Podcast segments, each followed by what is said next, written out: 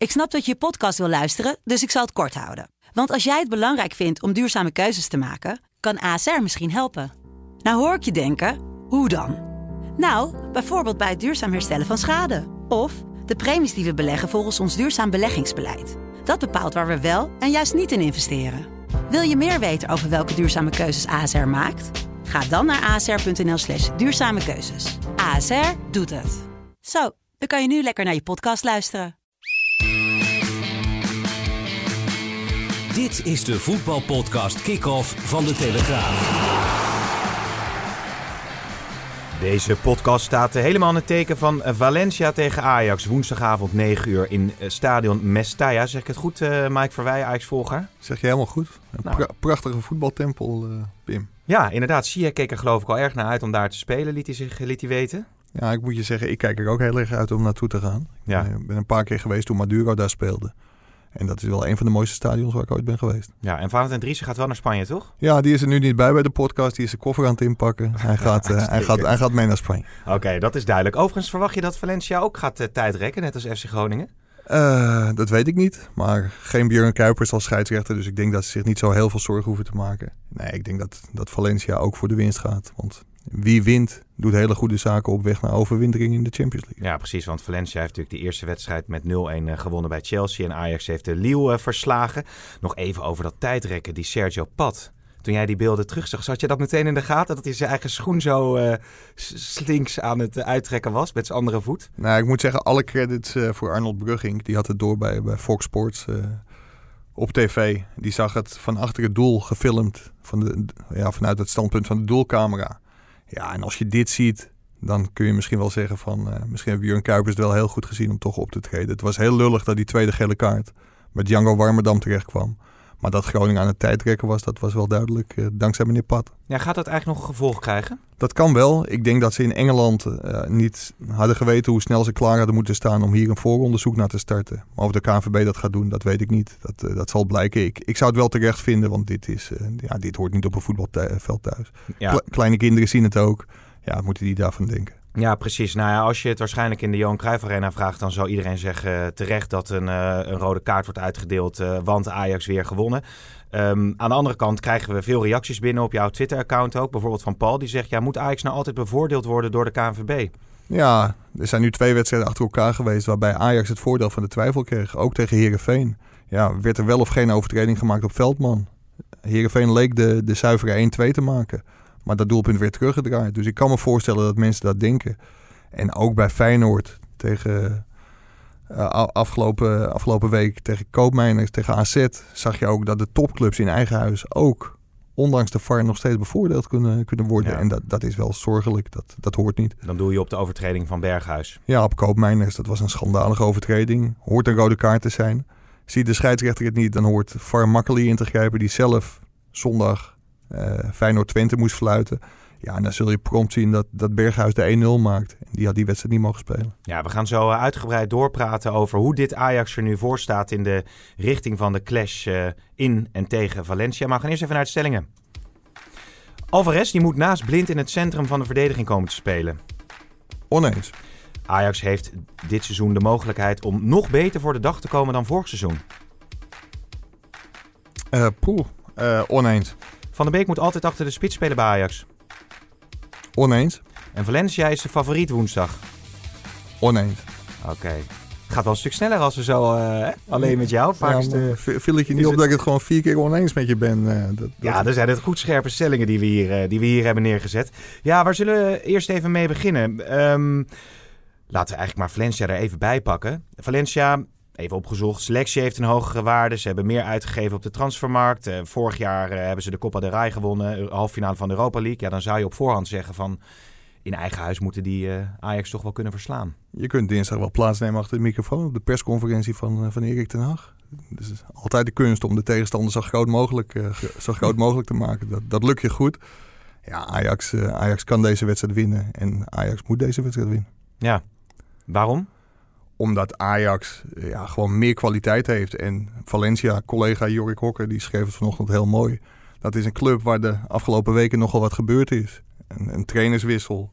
Zijn ook overgestapt van, uh, van 4-4-2, wat ze zeg maar twee jaar lang onder Marcelinho hebben gespeeld naar een veel offensiever systeem. Ja, dat ging dramatisch. Tegen Barcelona verloren ze 5-2. En thuis tegen Leganes en Getafe speelden ze 1-1 en 3-3. Ja, prompt werd er weer teruggeschakeld naar de 4-4-2. En toen won, won Valencia zaterdag heel knap bij Bilbao. Dus ik vermoed dat Ajax ook weer een, eh, een behoorlijk defensief Valencia tegenover zich krijgt. Ja, wie uh, zou trouwens de beste persoon zijn om wat meer over Valencia te weten te komen? Want er zijn natuurlijk wel wat oud Ajaxiden met de kennis van het Spaans voetbal. Ja, die heb ik net gebeld om, om wat informatie in te winnen. En hij gaat ook met Ajax mee als gast van de directie. Kijk eens. Hedwiges Maduro. Ja, die heeft daar gespeeld. Ook een hele mooie tijd gehad. Geweldige wedstrijd gespeeld. Ik kan me nog één herinneren tegen, tegen Barcelona. Ja, Maduro is daar een grootheid. En uh, ja, die kon gelukkig ook, ook, wat informatie geven voor deze podcast. Ja, wat uh, is het voornaamste wat hij eruit heeft gehaald? Waar liggen de grootste kansen voor Ajax? Ja, het, het grote probleem voor Ajax is dat de restverdediging... Dat, dat bleek tegen Heerenveen, dat bleek tegen Lille.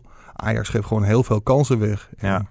ja, dat is tegen Valencia, tegen dit Valencia waarschijnlijk wel, uh, wel dodelijk. Ze hebben voorin hebben ze Guedes, Portugees international loper, Rodrigo. Dat zijn razendsnelle jongens die, die je niet die kansen moet geven die Heerenveen en, uh, en, Lille. en Lille wel hebben gehad. Restverdediging, dat blijft toch Ja, een mooi mo woord. mooie, mooie termen. ja, Ten Hag gebruikt het vaak natuurlijk in, uh, in uh, persconferenties.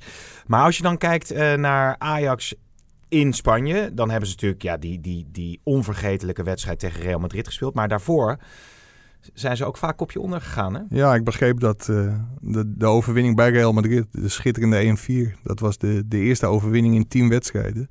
Want de, de negen keer daarvoor werd niet gewonnen in Spanje. Dus nee. wat dat betreft uh, weer een punt om uh, Valencia heel groot te maken, Pim. Ja, en als we dan teruggaan in de Den archieven, dan hebben we geloof ik ooit een uitwedstrijd van Ajax daar meegemaakt met Didulica op goal. Ja, een legendarische. Die was, ik wilde zeggen niet te passeren. Hij werd één keer gepasseerd. Dat werd 1-1. Overigens hebben Ajax en Valencia twee keer eerder tegen elkaar gespeeld. En dat werd twee keer 1-1. Dus als je een toto moet invullen, zet vooral 1-1 neer. maar uh, ja, dat, dat was een onvergetelijke wedstrijd. En die had Ajax nooit kunnen gelijk spelen of mogen gelijk spelen. Nee. Maar dankzij die Dulica lukte dat wel. Ja, de verhoudingen zijn inmiddels uh, wel, uh, wel wat veranderd. Ja, wat zullen we als eerste uh, oppakken, Mike? Misschien is het wel goed om uh, met de Alvarez uh, te beginnen. Want dat is een vraag die van Dave binnenkomt. Wanneer wordt Alvarez nou eens rechtscentrale verdediger? Maar dat is eigenlijk een vraag over het middenveld van Ajax. Want iedereen vraagt zich natuurlijk af, alle Ajax-fans, van ja, hoe gaat Ten Hag Valencia bestrijden? Met welke middenlinie? Ja, het, het is een grappige, grappige vraag. Vooral omdat Ajax hem heeft gehaald als centrale verdediger. Maar het eerste wat Alvarez riep toen hij in Amsterdam kwam... van ik voel me eigenlijk meer middenvelder. Dus ja, daar ga, daar ga je als Ajax. Hij is gehaald als... als Hoe kan dat eigenlijk? Ja, nou ja dat, ze hebben hem gescout als, uh, als centrale verdediger. Want ze wilden hem eigenlijk al een hele tijd hebben.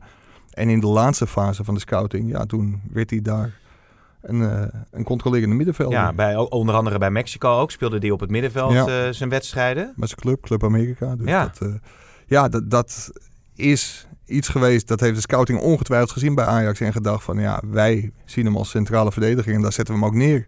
Alleen hij heeft echt in zijn hoofd dat hij op het middenveld wil staan. Ja, en hij, hij, hij, heeft ook echt intern al aangegeven, weet je wellicht of niet, maar dat hij op het middenveld wil ja, blijven staan. Niet alleen intern hoor, want hij roept het ook in de mix ja. tegen iedereen die het wil horen.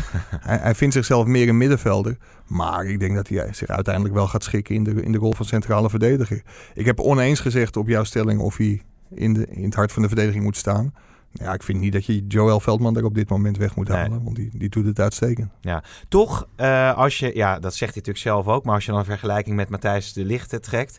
Dan, dan, is het, ja, dan is het natuurlijk toch een speler waarbij het plafond een stuk lager ligt. Ja, ja dat, dat is waar. Terwijl je maar... bij Alvarez niet weet eigenlijk uh, hoe ver zijn ster kan reizen. Nee, maar het is wel zo dat Veldman en, en Blind, dat zijn natuurlijk een behoorlijk ingespeeld, uh, ingespeeld duo wat ja, iedereen wist toen Frenkie de Jong en Matthijs de Licht weggingen. Ja, die vervang je niet één op één. Dus dat het minder zou worden, dat wist iedereen eigenlijk ook wel.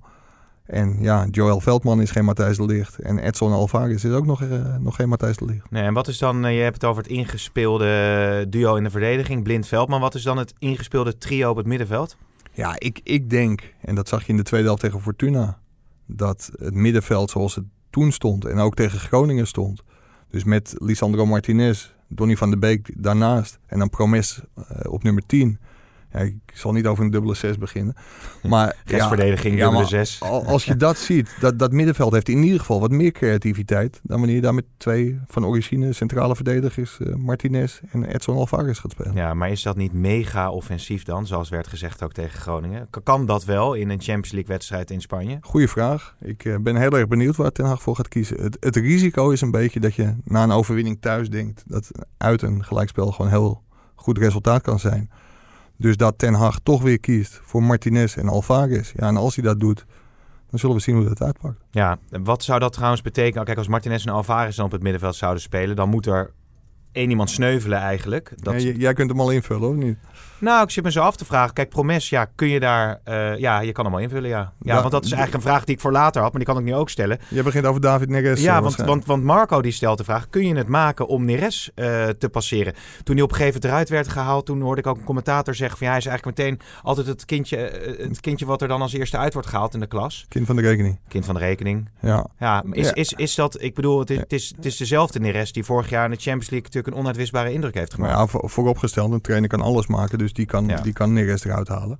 Alleen, ja, het, het is wel de vraag in hoeverre dat gaat meespelen bij, bij een eventueel vertrek later van, van Neres. Hij kon afgelopen winter kon hij naar China voor 45 miljoen. Misschien zelfs 50 miljoen werd er geboden. Ja, dat ging niet door. Deze zomer heeft hij besloten toch bij Ajax te blijven. Ja, je moet niet bij zo'n jongen op zijn gevoel blijven spelen. Of tenminste, hem een heel slecht gevoel blijven geven. Want dan, ja, dan kan het op een gegeven moment over zijn. Waarbij wel aangetekend dat iedereen ook ziet dat Neres nog niet zijn niveau van vorig jaar had. Maar mer- merk je al bij kamp Neres dat er eh ongenoegen is over het feit dat hij, nou ja, goed, tegen Groningen werd eh, gewisseld. Volgens mij eigenlijk, dat zeg ik nu even uit mijn hoofd, dat weet je misschien beter, maar zowel tegen Groningen, Fortuna als Leeuw, alle drie de keren gewisseld. Ja, nee, dat, dat uit hij niet. Neres is een, eh, een hele vrolijke jongen van de buitenkant. En die zal zich ook niet heel negatief over club of trainer of, of medespelers uitlaten. Dus dat, dat doet hij niet. Maar dit moet niet al te lang duren, denk ik. Want dan, dan gaat hij misschien wel, eh, wel morgen. Maar verwacht jij dat hij op de bank komt eh, te zitten woensdag? Het zou me niet verbazen als hij echt kiest voor een, voor een middenveld met Alvarez en Martinez. En dan Donny van der Beek daarvoor. Ja, kun je om Promes heen. Promes zou ook een slachtoffer kunnen worden hoor. Maar ik, ik denk dat dan uiteindelijk wel Neres kind van de rekening zal worden. Ja, een stelling die ik ook had is Ajax heeft de mogelijkheid om dit seizoen nog beter voor de dag te komen dan vorig jaar. Laten we eerst even luisteren wat eh Daley Blind daarover te zeggen had na de overwinning tegen Groningen. Eh, laten we eerlijk zijn, eh, spelers als Frenkie en Matthijs kan je altijd gebruiken. Maar eh, ik denk dat we spelers hebben die, die het heel goed opvangen. En, en die niet, ja, we moeten ze niet vergelijken met hun. Ze moeten het op onze, op onze eigen manier invullen. En ik denk dat, eh dat China Martinez, eh, Alvarez, dat zijn jongens die hebben het gelijk goed opgepakt. Ja, ik denk dat we daarmee als team groeiende zijn. Ja, als team Groeien daarbij zei, vroeg jij hem ook nog van, ehm, als je kijkt naar de statistieken, dan gaat het eigenlijk beter met Ajax eh, in de beginfase dan eh, vorig seizoen. Ja, vorig seizoen stond Ajax na, na acht wedstrijden vijf punten achter PSV. En nu staan ze op, op doelsaldo bovenaan. Dus dat, dat is nogal een, eh, een wereld van verschil. Dat komt omdat Ajax nu in Eindhoven gelijk speelde en de, vorig jaar met 3-0 verloor. Maar PSV was vorig jaar ook de eerste, nou ik zeg uit mijn hoofd, acht wedstrijden. Foutloos. Dus ja, wat dat betreft staat Ajax in de competitie in ieder geval een stuk beter voor. Maar de stelling was of Ajax het beter kon doen dan vorig jaar. Nou ja, puur cijfermatig moet je dan de dubbel winnen. En de finale van de Champions League halen. Ja. Dus eh, vandaar onjuist. Nou, het was beter voor de dag te komen eigenlijk, hè? Ja. De- Denk je dat ze wel ehm, verder zouden kunnen zijn in bijvoorbeeld het controleren van een wedstrijd? D- Dat ze misschien in de Champions League verder zijn dan vorig seizoen. Ja, ik, ik heb maandagochtend in de krant geschreven dat het vorig jaar tot 20 oktober duurde voordat Erik ten Hag koos voor het middenveld Schöne van de Beek en Frenkie de Jong. Dus wat dat betreft heeft hij voor zichzelf tijd gekocht. Hij presteert beter dan vorig jaar. Dus dat middenveld, dat, dat moet nog goed vallen. Die puzzels, puzzelstukjes liggen nog niet. En als dat heel snel gebeurt, ja, dan kan Ajax een, eh, een vlekkeloos seizoen beleven. Alleen om in de Champions League te gaan presteren wat ze vorig jaar gepresteerd hebben, dat, dat is bijna onmogelijk. Van der Beek trouwens, ehm, er waren wat geluiden in de media dat eh, zijn contract opgewaardeerd zou worden. Hoe zit dat? Ja, zou worden, dat was al weken geleden bekend. Mhm. Er ging vrijdag het gerucht dat het ook daadwerkelijk zou zijn gebeurd. Maar ik heb het bij zijn zaakwaarnemer Guido Albers nagevraagd. En daar is geen sprake van. Er wordt gesproken, maar er is nog zeker geen akkoord. Nee, oké, duidelijk. Ehm, wat leuk is aan Ajax Valencia is dat de keepers natuurlijk toch twee spraakmakende figuren zijn. Eh, Onana en eh, Jasper Sillissen. En de een is de ander opgevolgd. Hè? Onana die heeft heel lang moeten wachten totdat uh, Sillissen wegging. Eindelijk naar Barcelona ging. Want Onana was natuurlijk veel en veel te ongeduldig. Jonge jongen, kwam van Barcelona. Wilde heel snel uh, onder de lat staan. Dus die heeft de vlag uitgehangen toen, uh, toen Sillissen vertrok. Wie vind jij eigenlijk beter? Ik, nou, volgens mij wil je een fragmentje laten horen. nee. nee hoor, nee, nee, nee. Maar ik ben er wel benieuwd naar. Nou, laat ik het anders formuleren. Wie zou Ajax uh, beter vinden? Met wie denk je dat Ajax liever in het, in het doel uh, staat? Ja, Wat geeft meer rust? Ja, Wat... het is heel moeilijk. Het zijn twee compleet andere keepers. Maar ik, ik denk wel, als je puur qua leeftijd en potentie kijkt... dat Onana wel een echt een uitzonderlijke keeper kan worden. En Jasper Sillis is een heel goede keeper. Ja, precies. Daarmee zeg je eigenlijk al iets dan, zeg maar. Um, Carlo Lamy, de keeperstrainer van Ajax... die is in ieder geval lovend over Onana. Absoluut. Ik vind het als ik... Uh ja, als ik alle keepers kijk. En dat was ook een mooi voorjaar waren we bij München. En dan zie je ook Neuer, zeg maar, contact met André hebben en wederzijds. En ja, die gasten die trekken naar elkaar toe. En ja, Neuer, die, daar heb ik ook zijn interviews gehoord. En ook, ik heb hem gehoord over André. Ja, dat niveau, mits hij die focus blijft houden, ja, dan kan hij naar dat niveau toe. Daar ben ik van overtuigd. En uh, hij, ja, in mijn ogen is hij gewoon echt zoveel potentie. Dus in mijn ogen kan hij zeker nog een stap, uh, stap maken. Ja, wanneer wil Onana eigenlijk die, uh, die stap gaan maken? Is dit zijn laatste seizoen bij Ajax? Ja, dat wil hij volgens mij al twee transferperiodes. Alleen elke keer als de transferperiode daadwerkelijk aanbreekt, dan kan hij wel overtuigd worden dat het echt nog verstandiger was om, uh, om bij Ajax te blijven. Maar Onana, ja, het, het is heel mooi. Uh, Lamy zegt ook, als hij de focus heeft, dat, dat is in de eredivisie nog wel eens een probleempje. Want dan uh, gaat het hem zo makkelijk af dat hij uh, niet 100% geconcentreerd is. En dan, dan kan het dus gebeuren wat er tegen Fortuna gebeurt. Dat hij ja, een diepe bal verkeerd inschat. En, ja, op, op dinsdag hebben we een verhaal met, met Frans Hoek en Carlo Lamy over allebei de keepers. En daar komt dit onderdeel, uh, onderdeel ter sprake. En ik denk dat Onana na dit seizoen wel klaar is voor de stap omhoog. Ja, is Onana eigenlijk een uh, jongen die zijn stem laat horen in de selectie? Nee, minder denk ik dan, uh, dan Jasper Sillissen. Hoewel die van de buitenkant uh, juist als, als, als dooie bekend staat. Maar dat, dat schijnt toch anders te zijn. Ja, en dat zegt ook zijn oude keeperstrainer bij het Nederlandse elftal, Frans Hoek. Hij is niet bang om zijn mening te geven. Absoluut niet. En dat wil hij dan ook uh, uh, uiteraard op zijn, mee, op zijn manier wil hij dat kracht bijzetten. Nou, daar heb ik helemaal geen moeite mee. Ik vind dat, ik vind dat goed. Uh, uiteindelijk uh, moet je dan tot oplossingen komen. En, en daar moet je mee doorgaan. Dus hij oogt rustig, wat een goede eigenschap is naar buiten uit. Zonder ja. meer. Maar hij, het, is, het is een sterke persoonlijkheid. Zo heb ik hem leren kennen.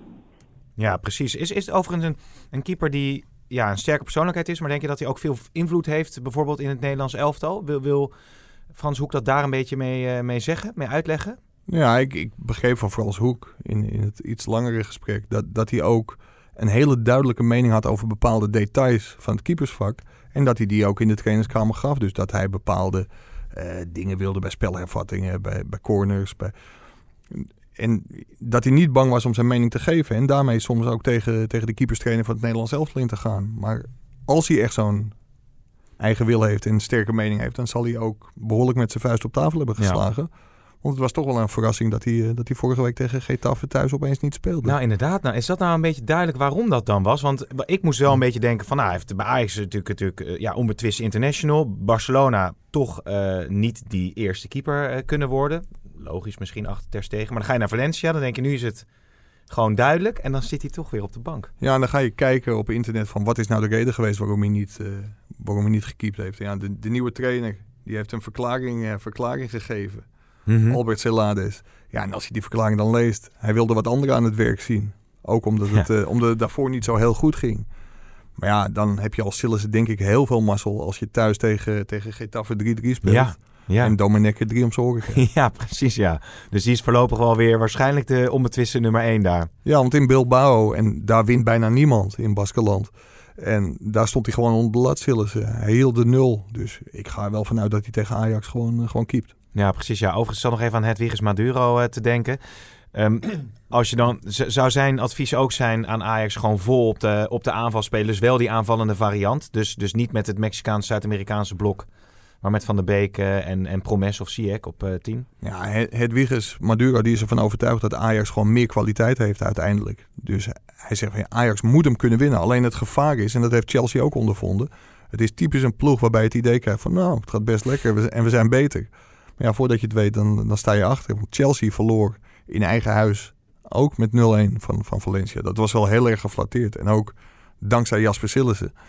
Maar het, het is een ploeg waarbij je echt op en top geconcentreerd moet zijn... En waarbij het elftal ook moet staan als een huis. Dus ja, Ajax zal moeten aanvallen, maar wel gedoseerd moeten aanvallen. En speciaal voor jou, de restverdediging Ja. zal, eh, zal erg goed ik zit te denken, gedoseerd aanvallen is ook een mooie term hoor. Ja, ik, hè? ik, ik zit echt te je veel zit de, te lang bij Ajax denk Ja, ik. Dat dat een beetje is. te eh, vaak en te veel eh, bij de persconferenties van Want, want eh, nog even tot slot, eh Mike. Want hoe lang volg je nou Ajax voor deze krant? En daarvoor? Poeh, elf jaar. I- Is dit, als je nu kijkt naar deze periode, is het vaak... Het, het is denk ik wel rustig bij die club nu, of niet? Het is zeker rustig. Maar als ik ooit een keer ga zeggen dat Ajax goed is aangevangen, dan moet je, want als ik ook die Duitse termen erin ga gooien, dan moet je me echt gaan Ja, corrigeren. precies. Maar, maar het, het, het, het- die, die, die ploeg die, die reist nu met een eh, gerust hart naar, naar Spanje. Ja, Koploper in de Eredivisie, eh, eerste wedstrijd in de Champions League gewonnen. Ja, Ajax heeft nog twee wedstrijden voor de interlandbreek. Valencia uit en ADO uit. Win, win je die allebei, ja, dan gaan ze met een geweldig gevoel eh, naar de nationale elftallen. Want dan sta je en bovenaan in de Eredivisie en win je bij Valencia. Ja. Ja, dan ben je eigenlijk zeker van overwintering in de Europa League.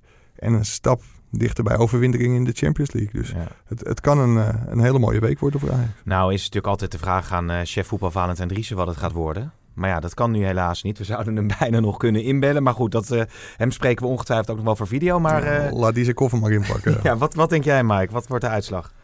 Poeh. Eh, wat ik denk of wat ik vind dat het moet worden. Nee, ik, ik, ik denk Ja. dat het 1-2 wordt. 1-2. Zijn we, zijn we uitgesproken? Ja, ik weet niet of je nog andere dingen wil Heb jij nog iets wat, eh, wat je op de, van Hedwiges Maduro hebt gehoord? Of eh, wat je verwacht morgen bij de persconferentie? Ehm, Want morgenochtend, eh, dinsdagochtend dus al in het vliegtuig naar Spanje. Ja, via Parijs. Dat, er was een enorme run op de tickets. dankzij de, ja, geloof ik bijna 3200 Ajax-fans die die, kant, die kant op gaan. Dus wij vliegen via Parijs. En dan eh, zijn we morgenmiddag bij de persconferentie van, eh, van Valencia. Als het goed is, Jasper Sillis achter de tafel zit. En wie er eh, naast Erik ten Hag plaatsneemt, dat weten we nog niet. Maar wat ook heel erg leuk is, is dat op woensdagmiddag, dus de dag van de wedstrijd, dan speelt Ajax onder 19 in het kader van de UEFA Youth League.